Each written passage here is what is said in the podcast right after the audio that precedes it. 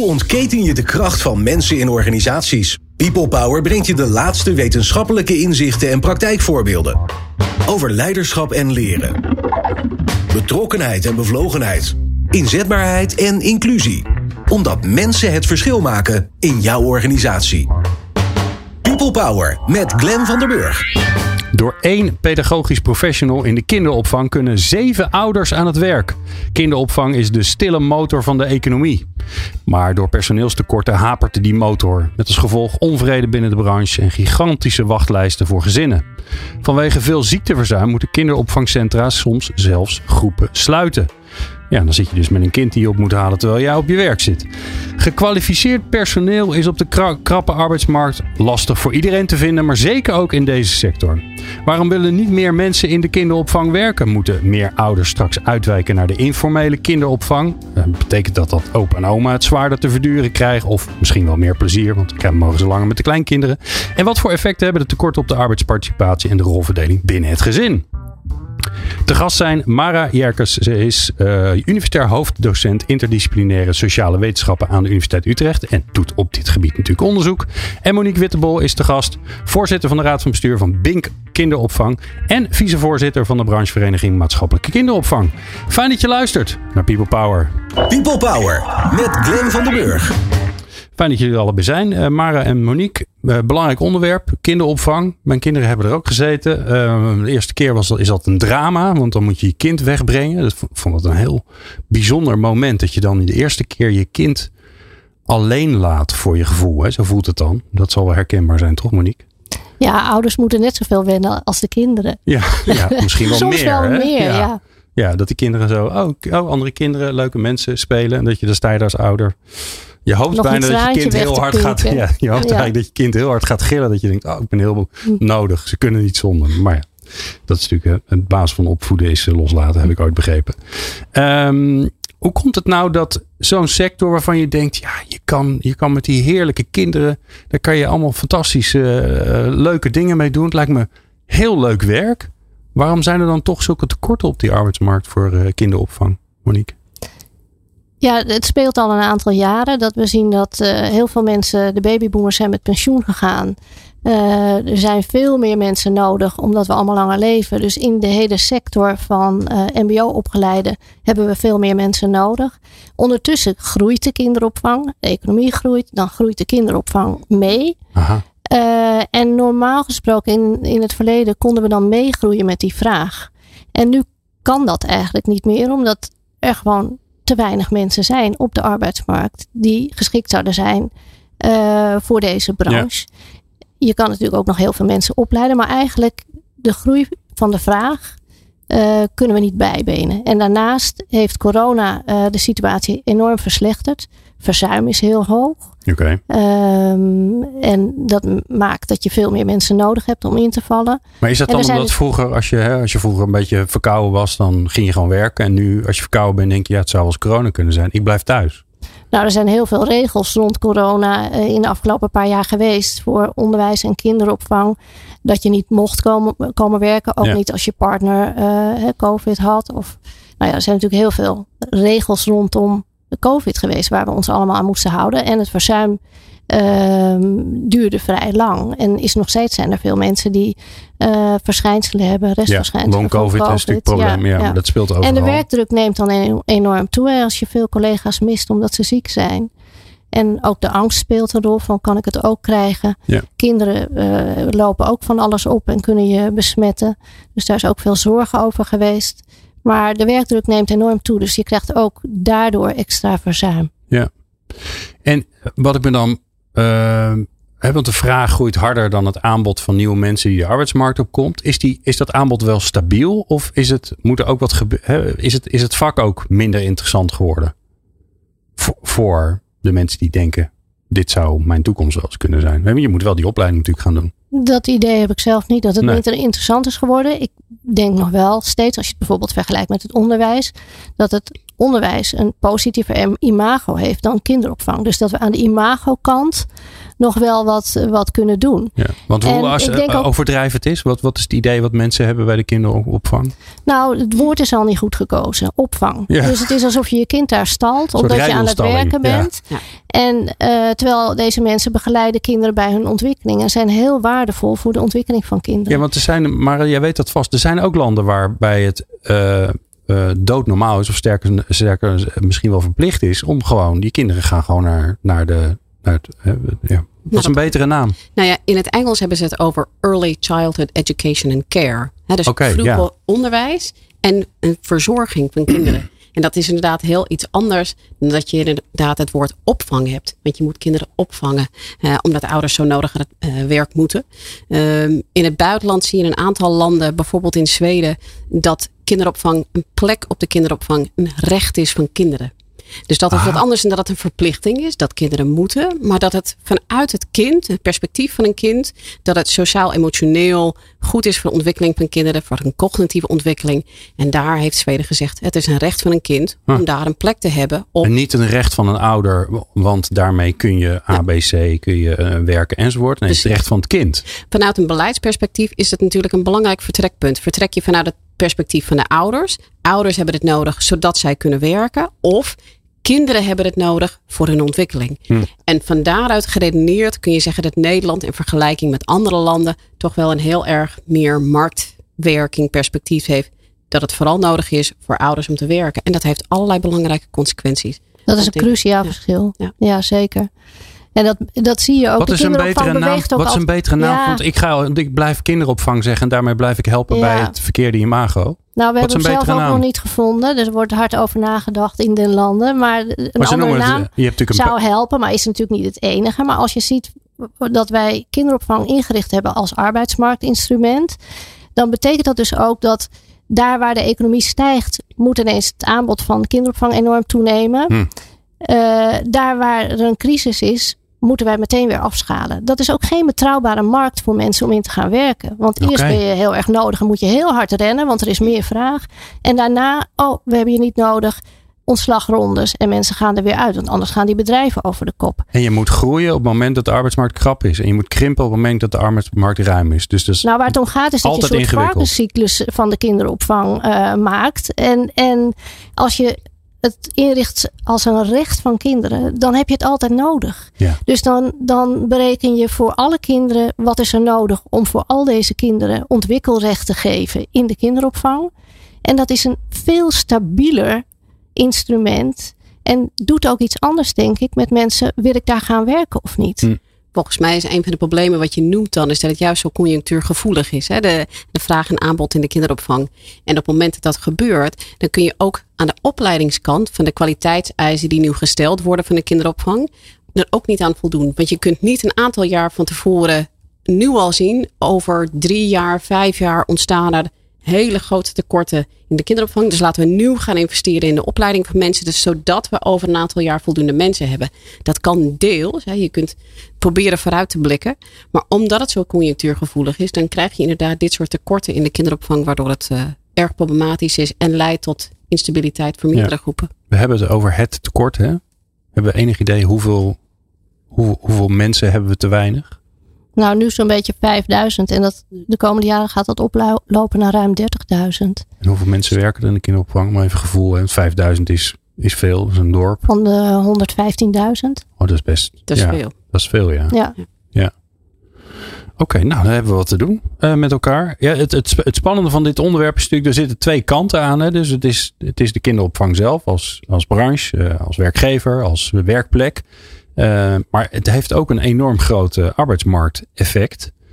Ehm, waarom is dat eigenlijk zo, Mara? Nou ja, omdat Nederland, Monique zei het ook al, omdat het opgezet is als arbeidsmarktinstrument. Ouders verwachten dat er kinderopvang is. En werkgevers eigenlijk ook. Dat hun medewerkers wel voldoende opvang kunnen regelen. Zodat zij werk en zorg kunnen combineren. En dat is inmiddels eh, ondenkbaar in Nederland dat wij teruggaan 40, 50 jaar in de tijd. Dat vrouwen niet meer deelnemen aan de arbeidsmarkt. Dus beide ouders, of dat nou twee moeders zijn of twee vaders, maar iedereen heeft het recht om te gaan werken. En we zien het steeds meer vrouwen en mannen dat gezamenlijk doen in een heteroseksuele huishouden, waar er dan die genderverdeling is tussen twee mensen. Dan wordt er verwacht dat je en je werk kunt doen en zorg mhm. kunt combineren. Dat betekent dat als je het niet zelf doet en niet in een informele oplossing met elkaar of met opa's en oma's, dat er een formele opvangplek moet zijn of een gasthouder. Nou ja, op het moment dat dat wegvalt of dat er instabiliteit in komt, dan creëert dat natuurlijk allerlei problemen. Zo had ik vandaag ook onderweg hier naartoe een mail van iemand uit mijn team. Sorry, morgen gaat uh, mijn crash waarschijnlijk dicht voor mijn kind vanwege ziekte. En ze kunnen dit niet meer opvangen.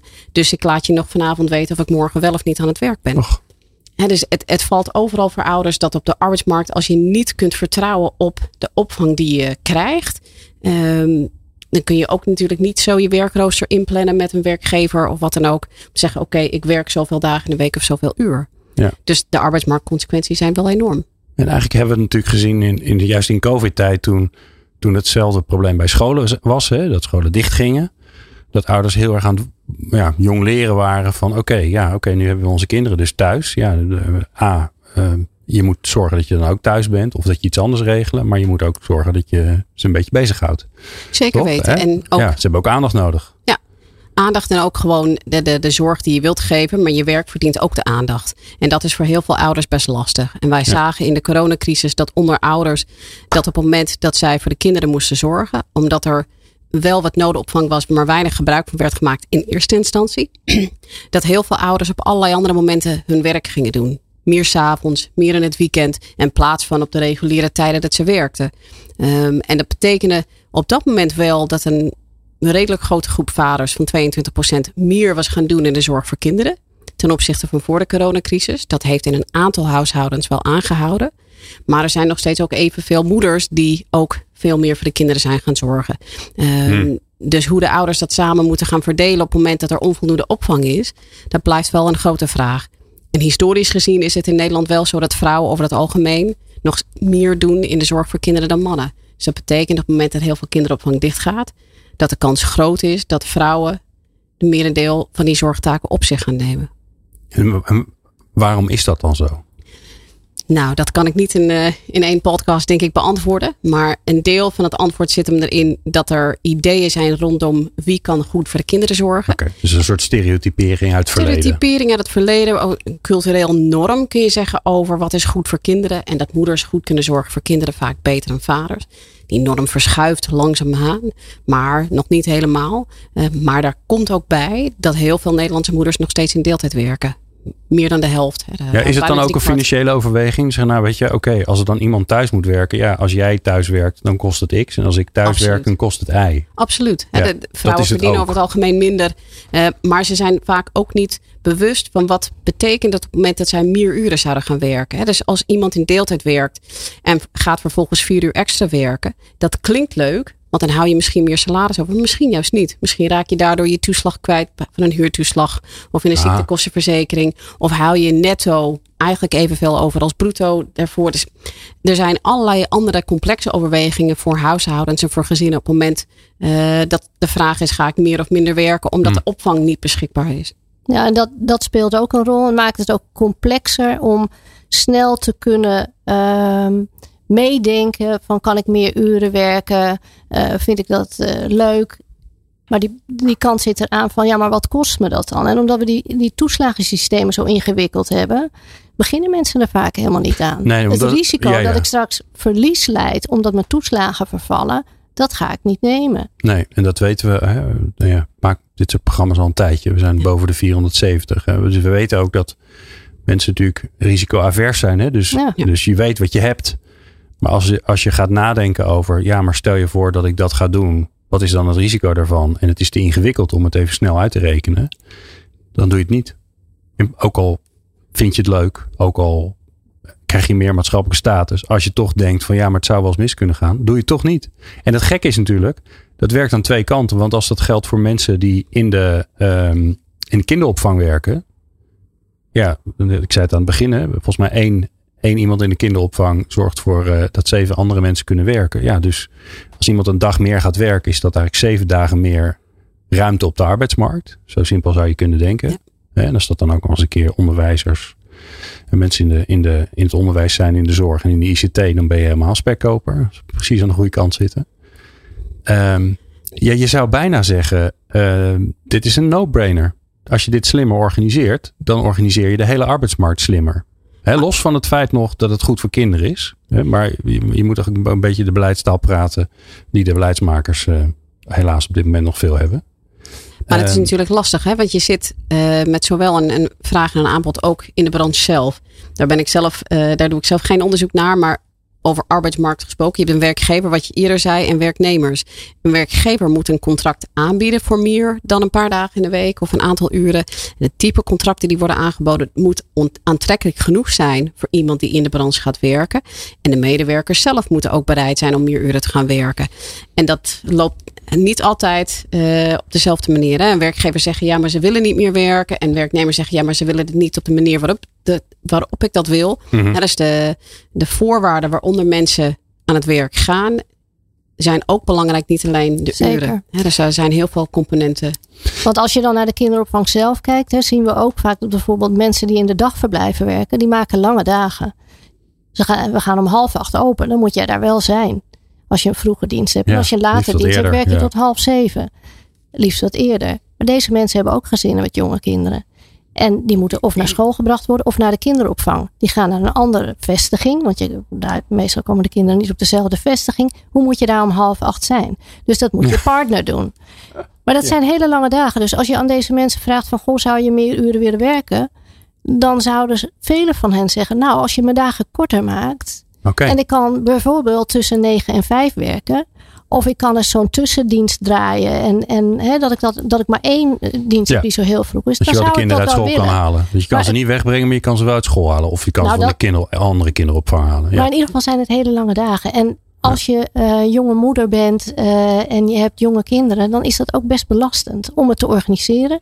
Maar ook de energie die je nog over moet hebben aan het eind van die lange dag. Om met je eigen gezin. Want hoe zit het met de man-vrouw verdeling in de kinderopvang? En dat probeer ik dan zonder bias te zeggen. In de 0 tot 4-jarige opvang werken heel weinig mannen. Oké. En in de BSO gelukkig steeds meer. Oké, maar. En uh, dat verschilt. Ja, dat klinkt niet als 50-50. Nee, nee, nee. Tussen de 1 en 5 procent. En um, ja, bij onze organisatie. 1 en 5 procent, zo weinig? Ja, ja, ja. Oh. Maar dus dan hebben we echt nog iets te doen. En uh, toevallig bij Bink werken er heel veel, of het is eigenlijk niet toevallig, we zijn ook sportleerbedrijf en stimuleren heel erg ook uh, dat kinderen bewegen. En willen daardoor ook heel veel mensen die sportopleiding hebben gedaan in dienst. En daar werken veel mannen. En je krijgt, als er eenmaal mannen in je vestiging werken, dan is het een gemêleerdere groep. Dat vinden mannen ook leuk. Het is niet leuk als je als enige man in een team van twintig vrouwen. Dat zou ik zelf ook niet willen. Nee, en andersom is het hetzelfde. Hè? Ja, dat, ja precies. Het is gewoon fijn om, om echt een gemêleerde team te hebben. En dan zie je dat dat automatisch uh, doorrolt. En dat de volgende dan er ook bij wil. Maar daar hebben we nog echt um, uh, een slag te slaan. Om um, uh, nou, kinderopvang aantrekkelijker voor mannen te maken. We gaan zo eens even kijken, want dat er een vraagstuk is en dat daar iets aan moet gebeuren, dat is wel helder. Want eh, A, het is goed voor kinderen om, om naar de. Ja, ik, ik, ik zit nu met een probleem met het woord in mijn hoofd. Hè? Naar, naar de kinder. jonge kindereducatie te gaan. Hm, ja. Nou, ben, eh, we zijn er nog niet helemaal. Aan het eind van deze aflevering hebben we een nieuwe naam. Um, en het is heel goed voor de arbeidsmarkt. Alleen het gaat niet goed. Dus hoe gaan we dat fixen? Dat hoor je zo. Hoe ontketen je de kracht van mensen in organisaties? People Power. People power.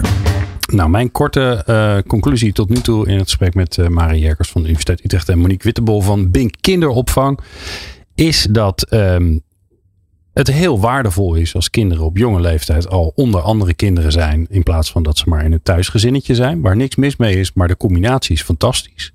Dus dat is een hele goede. En het tweede is dat het ook nog eens een keer zorgt dat de arbeidsmarkt wat uh, vlot getrokken wordt. Um, en um, ik denk een belangrijk instrument ook om ervoor te zorgen. Want daar zit volgens mij een van de oplossingen. Meer mensen wordt een beetje ingewikkeld.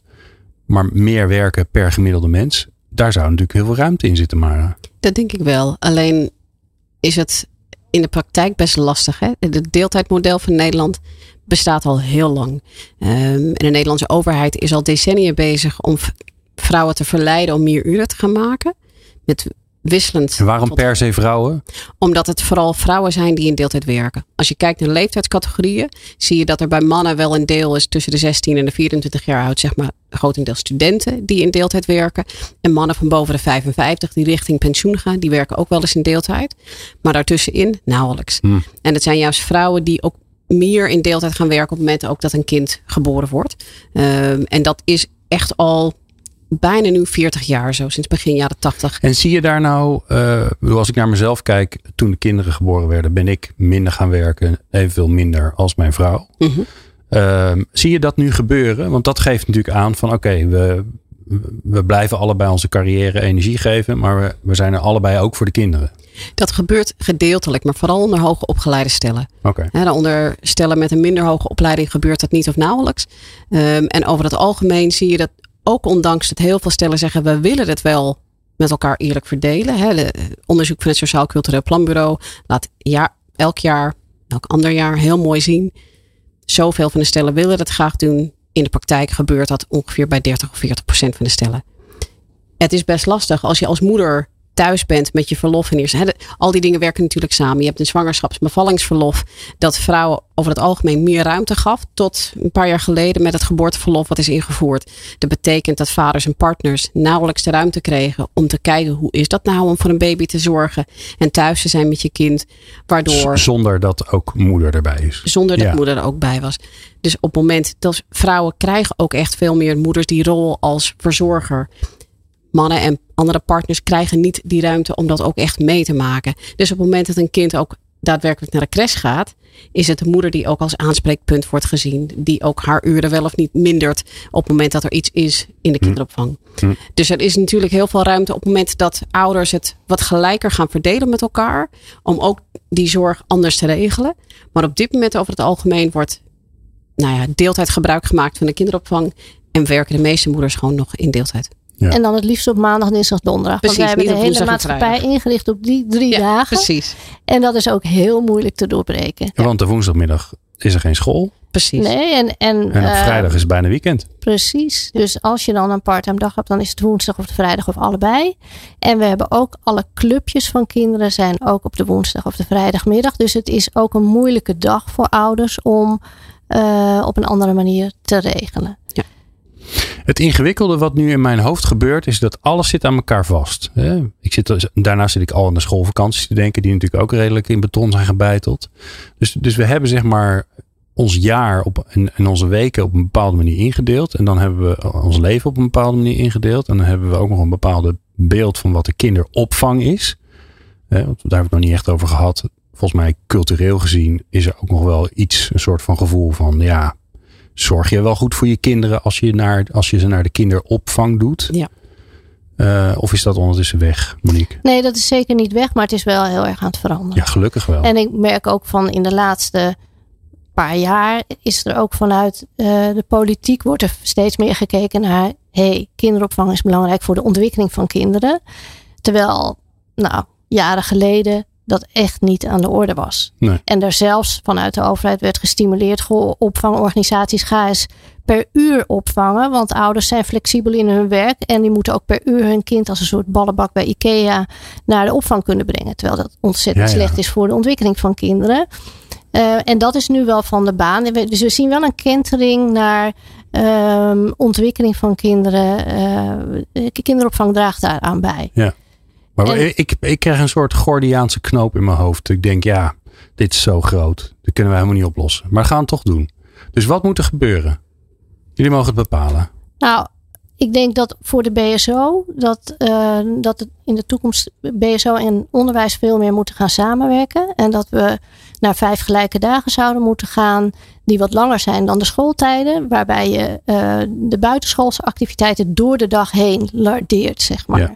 Daar, is- daar is al, Ehm, daar is, dat gebeurt toch al? Er zijn al scholen die gewoon elke dag tot twee uur lesgeven. Ja, maar dan, eh, als dat het zou zijn, dan zouden ouders om twee uur aan de poorten moeten staan. Ja, en dat dat is niet vroeg. wat we willen. Hè? Dus, Ja. dus dan zou je eh, BSO voor alle kinderen moeten maken. Recht voor alle kinderen. Dat betekent dat alle kinderen een langere schooldag maken. Eh, hoeft niet tot half zeven zoals we nu doen met de opvang, maar bijvoorbeeld tot half vijf. En dat je die activiteiten van de sociaal-emotionele ontwikkeling, de creatieve activiteiten, bewegen, muzies. Uh, Alles waar te weinig spel. tijd voor is op school. Want dan moeten ze rekenen Nou, en, en en wat je nu in de. BSO doet, dat je dat alle kinderen aanbiedt, maar door de dag heen, zodat er dus ook blokjes zijn van cognitief en eh, ontspanning, Ja. creatief. En buiten met een tak spelen. Gewoon Precies, niks. vrij spel. Dat is ook veel meer aansluitend op het bioritme van kinderen. Dus ik denk ook dat ze veel meer gaan opnemen dan door de dag heen op school. Hmm. Eh, dus het lijkt mij goed voor de ontwikkeling van kinderen. Ja. En daarnaast maak je ehm, eh, veel betere doorgaande ontwikkeling, ontwikkelingslijn tussen onderwijs en kinderopvang. Want nu zijn dat vaak nog gescheiden circuiten. Ja. Eh, en kan En- je en veel slechts een beter deel komt, aansluiten. toch? Ja. Ja. en slechts een deel komt. Dan kan je veel beter aansluiten op wat heeft dit kind nodig onder schooltijd en in die buitenschoolse activiteiten. En je maakt daarnaast die baan in de BSO aantrekkelijk. Want dat is niet echt een topbaan. Hè? Als je alleen in de middagen werkt. En dan ook nog eens die maandag, dinsdag, donderdag. Waarop we allemaal werken. Dus woensdag, vrijdag is er vaak niet eens werk voor je. Hm. Dus je je kan, je kan geen volledige, volledige baan bieden. dus daar moet je altijd banen naast gaan zoeken. Dus het is eigenlijk, je maakt er een soort sprokkelbaan van. Terwijl als je zou zeggen, nee, het is een combinatie van onderwijsassistent, BSO-medewerker. En het, het is echt in een totaalprogramma van wat, wat je een kind biedt. Ja. Dus op de totale ontwikkeling en educatie. Eh, dan lijkt me dat een heel mooi, mooie aanvulling voor het kind. Veel meer rust en, en regelmaat in de week. Dan ga ik even flauw doen, Monique. Wat ik ook zie gebeuren is dat kinderen het ongelooflijk druk hebben. Want die moeten op maandag naar jazzballet. En op dinsdag gaan ze naar breakdance. En op woensdag hebben ze hockeytraining. En op donderdag hebben ze pianoles. En ik weet dat dit voor een deel van de maatschappij zo is. En voor een deel ook zeker niet. Maar je hebt ze wel. Dat is nog een hele interessante markt. Dus je moet, er gewoon, je moet je product gewoon beter maken. Dan komen ze wel. Marktwerking. Ja, maar nu ga je, we gingen iets anders oplossen en het beter maken voor kinderen, toch? Terwijl als je zegt, ehm, goh, bij- bijvoorbeeld ehm, een ouder vraagt om een muziekles, Ja, doe dat. Nou, regelen we dat. regelen we dat. Hebben wij overigens jaren gedaan. Dus we hadden mu- muzie- muziekdocenten in de BSO en die kwamen eh, allerlei lessen geven, muzieklessen. En ouders tekenden daarop in. Dat kost ook wel iets. Ja. Dus ouders betaalden daarvoor bij. Dus wie krijgen dat? Hm. een beperkte groep kinderen. Ja. En ehm, wat ik net voorstelde is voor alle kinderen. En dan, dan maak je dus ook muzieklessen voor alle kinderen. En dat is dan misschien niet die pianoles individueel die jij net voor ogen hebt, maar wel muzikale ontwikkeling Hm. en sportieve ontwikkeling en creatieve ontwikkeling. Koken, eh, vrij spel inderdaad in het bos. En En daarmee hoor ik je zeggen, daarmee lossen we ook een deel van de kansenongelijkheid op die er Zeker. natuurlijk is. Hè? Want ik probeer er gewoon, ik haal er nog maar eens even een paar beleidsonderwerpen bij. Zeker, Ehm, dat mooi. is heel belangrijk. Ja. Maar het is wel een hele andere inrichting van dan hoe het nu is. Dat is best wel een ingrijpende beslissing. Of zie ik dat verkeerd maar? Het is een, zeker een, een heel ingrijpende beslissing. Er is natuurlijk decennia geleden al besloten om marktwerking in te voeren in de kinderopvang in Nederland. En dat is een, is een belangrijk kantelpunt geweest. Ehm, en wat je ziet is dat dat hele grote gevolgen heeft voor de toegankelijkheid, voor de betaalbaarheid, voor de kwaliteit. En als je internationaal In positieve of negatieve zin? Over het algemeen in negatieve zin. Oké. Hè, en iets wat op marktwerking is gericht, is vooral gericht op profit. En, en wat we zien vanuit internationaal perspectief, is dat in landen waar het een publiek stelsel, dus vanuit de overheid georganiseerd en betaald, of een non-profit, dat er organisaties zijn die het ja, maatschappelijke. ja. eh, Ja. Zoals bij Ja. jullie denk ik, Ja, een stichting. dat dat over het algemeen positieve effecten heeft voor de toegankelijkheid, voor de betaalbaarheid uiteraard, maar ook voor de kwaliteit. En als je uitgaat van dat het iets is voor kinderen en hun ontwikkeling, dan gaat het meestal gepaard met zo'n publiek systeem of een non-profit systeem. Want niemand zou, zou zeggen, laten we het onderwijs eens even marktwerking gaan invoeren. Daar zou volgens mij niemand het in zijn hoofd halen. Ik, ik ben geen politicus. Ik denk dat er waarschijnlijk wel wat politieke partijen die misschien zeggen dat iets meer marktwerking in het onderwijs eh, goed zou zijn.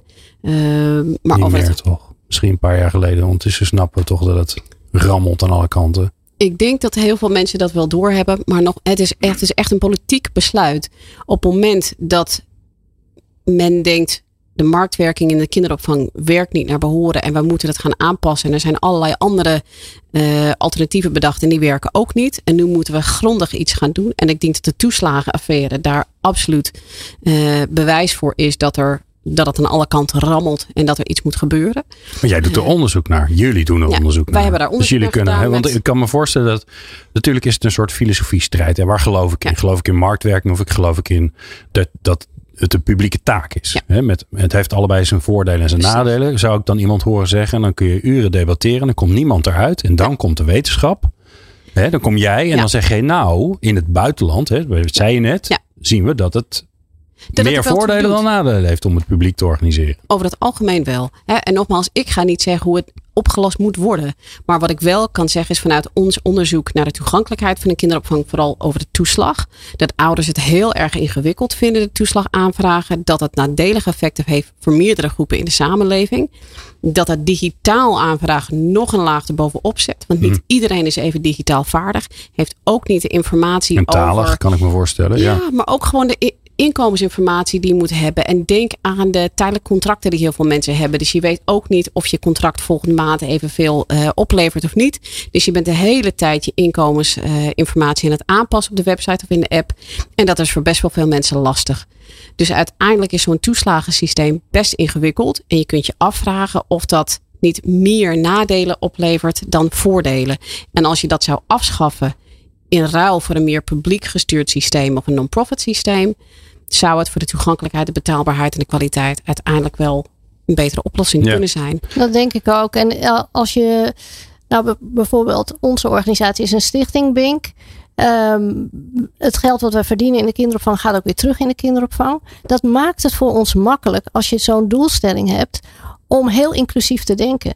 En te zorgen dat je in alle wijken kinderopvang aanbiedt. Ook waar het slecht toeven is in financiële zin. Zeggen, ja, Want dan, ja. dan, zitten we ook in wijken waarvan je denkt, ja, hier kunnen we ons niet bedrijven. maar deze kinderen hebben ook recht op kinderopvang. Als Zonder ik bestuurder zou zijn. Precies. moeten gaan om. Uh... Terwijl als ik bestuurder zou zijn van een commerciële partij, dan zou ik denken, ja, ik zoek de krenten uit de pap. Waar is het financieel rendement het hoogst?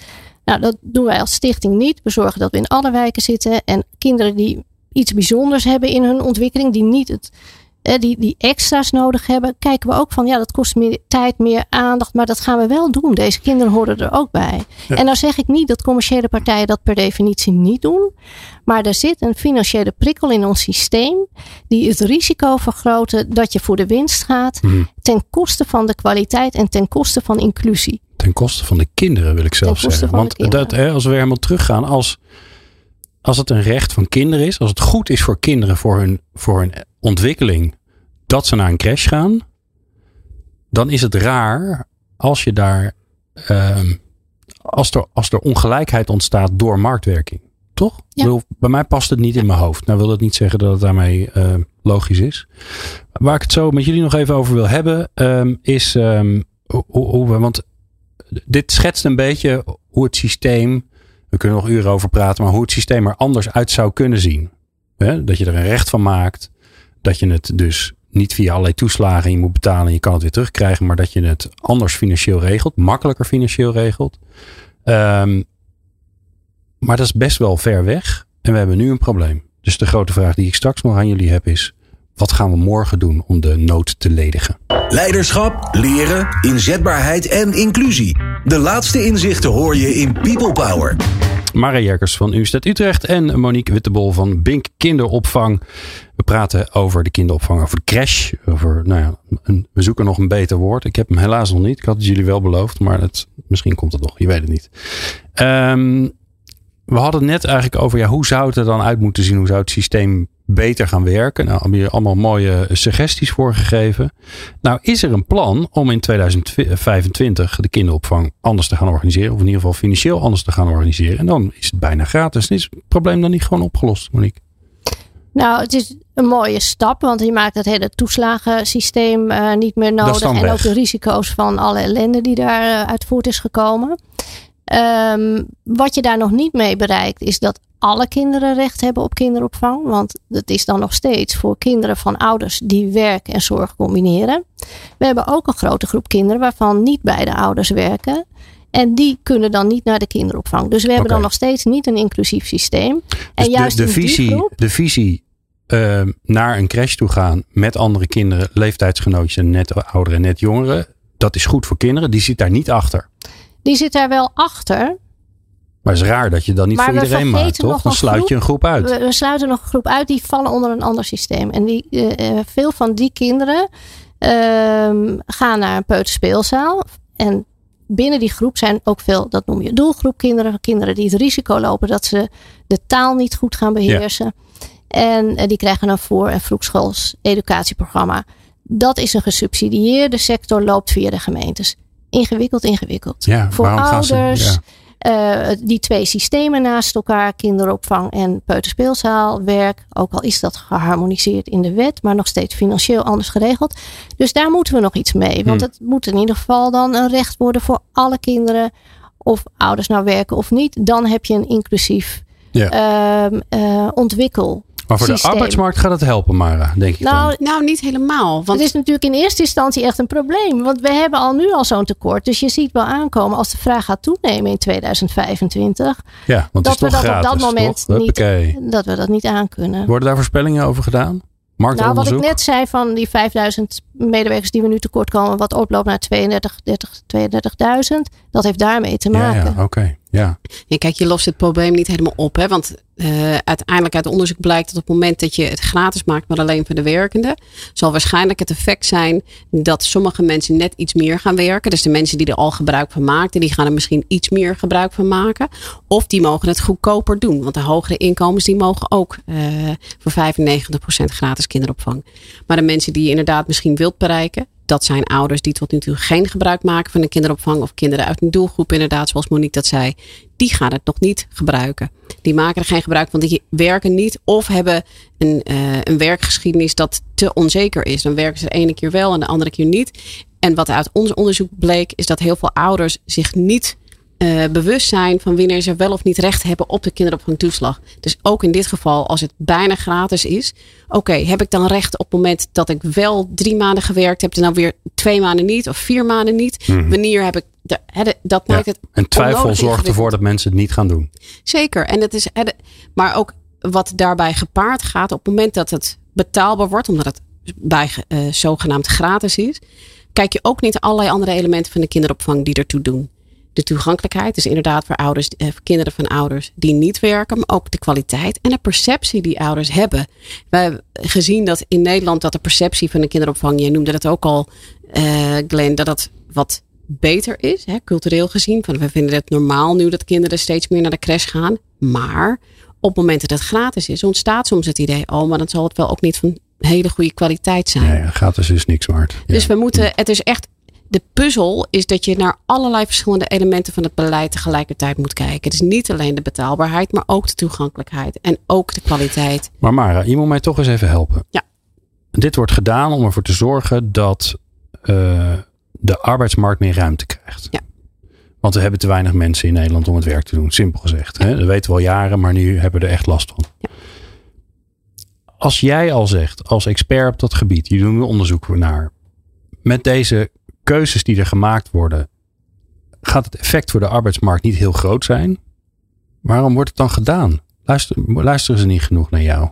En, en naar, de, naar, de, naar de onderzoeken die er gedaan worden? Ik denk dat er heel veel luisteren naar dat onderzoek wat er gedaan wordt. Maar ik denk dat het probleem is dat eh, de besluiten die in Den Haag worden gemaakt ook een uitkomst zijn van politiek consensus. Ja, als je kijkt, naar, ik heb een onderzoek jaren geleden gedaan naar de ontwikkeling van de kinderopvang tot ongeveer 2010, 2012. En daar kon je ook heel goed zien wat de politieke keuzes waren en hoe mensen elkaar proberen te bereiken door een compromis te sluiten. Dus jouw vraag, hoe kan het dan zijn dat ze kiezen voor gratis, maar toch weer alleen voor de werkende ouders? Nou, dan kun je dat Ja, ja. terugzien in allerlei verschillende Ja. politieke partijen. Dat is een liberaal of een, eh, eh, of een socialistisch standpunt. Precies. Daar zit de strijd tussen. En daar zie je dat een Hmm. compromis bereikt wordt. Maar dat betekent dus dat een, als er een idee is vanuit het beleid, dit is wat we willen bereiken. Als je daar een compromis over sluit, kun je niet meer zeker zijn van wat de uitkomst is. En dat er allerlei andere perverse Ja. effecten ontstaan van dat beleid. En ik blijf toch terugkomen op het uitgangspunt. Als het zo goed is voor jonge kinderen om dit te doen, dan, dan ben je van die discussie volgens mij af, toch? Als het zo goed is voor de ontwikkeling van kinderen, net als dat er geen discussie is over dat er een basisschool is, dat er voortgezet onderwijs is. Daar is geen, nooit meer discussie over, want het is gewoon heel, we, we vinden het doodnormaal. Zou het raar vinden als het er niet is. Eigenlijk geldt dat hier ook voor. Nou, het idee hier is niet overal in de Nederlandse samenleving. Ik denk dat je daarmee uh, ervan uitgaat dat iedereen vindt dat het goed is voor kinderen. En je kunt natuurlijk als, uh, hè, als je vanuit pedagogisch onderzoek, ik ben zelf geen pedagoog en pedagogisch onderzoeker, maar als je dat zou lezen en denkt van inderdaad, het is goed voor kinderen. Dat wil niet zeggen dat alle ouders in Nederland dat ook weten. Nee, dat snap nee, ik. maar je maakt wel denk ik een beweging met kinderopvang uh, voor alle kinderen beschikbaar te maken. En dan zou er wat mij betreft dus een volgende stap, die inclusieve stap moeten zijn voor alle kinderen. Of je ouders nou werken of niet. Ja. Beide werken of niet. Um, dat is een eerste stap. En ik denk dat je 2025 is een, is een moment waarop we dat nog niet voor iedereen kunnen realiseren. Maar het is wel een mooie stap, vind ik. Want je zegt daar wel iets mee van we vinden dit waardevol voor de ja. ontwikkeling van kinderen. En in die zin denk ik dat we toch moeten omarmen en moeten zeggen van dit hebben we nodig als eerste stap. Laten we die tweede stap ook zetten, zodat we een inclusieve maatschappij kunnen maken. En hoe kunnen we dan, aan welke knoppen moeten we allemaal draaien? Want we kunnen een beetje draaien aan de onderwijs, samenwerking, kinderopvang. Ik denk dat we ook naar de kwaliteitsregels moeten kijken. De kinderopvang is overgereguleerd. Um, dat heeft ook te maken met dat, dat kinderopvang nu commercieel is ingericht. Tuurlijk om kwaliteitsregels vast te leggen, maar daarbij ook van ja, er zit een prijsprikkel in. Het moet ja. niet zo zijn dat, dat er onder een bepaald kwaliteitsniveau uh, wordt gewerkt. Dat heeft geresulteerd in te veel regels die benauwend zijn voor de professionals. Geen onvoldoende regelruimte met zich meebrengen, maar soms ook rare situaties voor kinderen. Um, om even een voorbeeld te noemen. We hebben nu wel dat uh, als bijvoorbeeld een kind een verjaardag mee wil vieren met een ander kind in de groep op de BSO, dat dat dan niet mag. Want hij valt niet in die groep. Of dat uh, deze zomer kwam ik op een vestiging waar een, helaas een ZZP'er, want we hebben lang niet meer genoeg uh, medewerkers, dus er lopen ook ZZP'ers rond. Voor, de voor dat kind onbekend iemand werkte met één kind, terwijl dat kind had mee kunnen doen in de andere groep. Waar dat... zat plek was. En waar pedagogische medewerkers werken. Die, maar dat is dan die, een, dat is een andere die, leeftijdscategorie of zo? Ja, die, dat kind hoort niet in die basisgroep. Dus die is niet ingedeeld in die basisgroep. En die moet een eigen medewerker dan hebben. En dat mag dan dus ook een wildvreemde zijn. Die ZZP'er En want er in invaller, ja, helaas uh, zijn dat niet altijd bekende gezichten. Terwijl voor het kind was het veel beter geweest om te zeggen van kom, kom ja. bij de andere groep sluit aan en dan heb je en een bekende pedagogisch medewerker en je hebt uh, kinderen in de groep waar je mee kunt Paarse spelen. krokodil klinkt Paarse krokodil, ja. daar moeten we van af. En daar zitten wel een aantal uh, regels in waar het CEO ook onderzoek naar heeft gedaan. Ik wil nog even, want we zijn bijna door de tijd heen. Ik wil nog even naar één tip voor jullie. Want we luisteren naar dit programma mensen die zich bezighouden met mensen in organisaties. Dus HR-mensen en leidinggevenden. Die natuurlijk ook met het grote vraagstuk zitten. Waar haal ik mijn mensen vandaan? Wat kunnen die nou op dit gebied doen? Moeten ze gewoon zelf maar gewoon een, een, een crash beginnen? Zou dat nuttig zijn? Ja, dat heeft dus geen enkele zin, want er zijn onvoldoende er zijn toch geen medewerkers. Mensen. Nee, en dan je halen maakt ze bij jou weg. Ja, precies, dan, dan uh, wordt de spoeling alleen nog ja, maar dunner. Dus dat want, is geen goed idee. Wat Nee. is wel een goed idee? Ik denk dat je wel ziet dat er initiatieven zijn om bijvoorbeeld al die deeltijdproblemen in de kinderopvang uh, op te lossen. He, dus dat je met medewerkers in gesprek gaat. Waar zit knelpunt? Zit dat in je uren? Zit het in de arbeidsvoorwaarden? Zit het in de financiële kant? En kijk eens of je mensen kunt helpen om te snappen. Als ik meer uren zou gaan werken of op andere dagen, wat voor consequenties heeft dat voor mij, voor onze huishouden, financieel? Um, want soms kan het ook echt wel lonend zijn om meer uren te gaan werken, maar dan moeten ze dat ook weten. Maar zou het bijvoorbeeld voor, hè, want we zitten nu in de, in de sector, maar ik ja. ga even uit de sector naar de hele arbeidsmarkt. Ja. Zou het bijvoorbeeld interessant kunnen zijn als je weet dat dat, dat kiezen voor meer werken of niet meer werken, dat het een ingewikkelde keuze is? Kan je dan als werkgever niet zeggen, joh, weet je, al die romslomp, ik snap dat het ingewikkeld is. Ik zorg dat jij netto meer gaat verdienen. En ik regel wel. En ik, ik, ik regel wel en ik help wel. Zodat je daar komt. Dus je hoeft je geen zorgen te maken. Als jij een dag meer gaat werken, krijg je dit netto meer op je. Want wij werken natuurlijk allemaal in bruto en zo. We hebben Dat een mag CAO niet. en Nee. daar moeten we ons aan houden. Ja, jullie hebben een CO. Nou, maar er zijn Maar heel veel organisaties hebben een CAO. Ik denk wel, je zou het meer werken uh, belastingtechnisch aantrekkelijker kunnen maken. Als je dat minder belast. Ja, maar dat kan ik als werkgever niet doen. Ik ben nu een werkgever. Ik wil gewoon meer nou, het is mensen. meer een oproep aan de overheid van kijk daar eens naar. ja. Het is lastig. Ik, ik denk dat wat Monique net zei, dat dat inderdaad in 2025 een eerste stap is. Hè? Want wij zitten met z'n allen in een soort wurggreep. En daar moeten we uit. Dus we moeten naar oplossingen. Voor een werkgever op dit moment, hoe moet je dat morgen oplossen?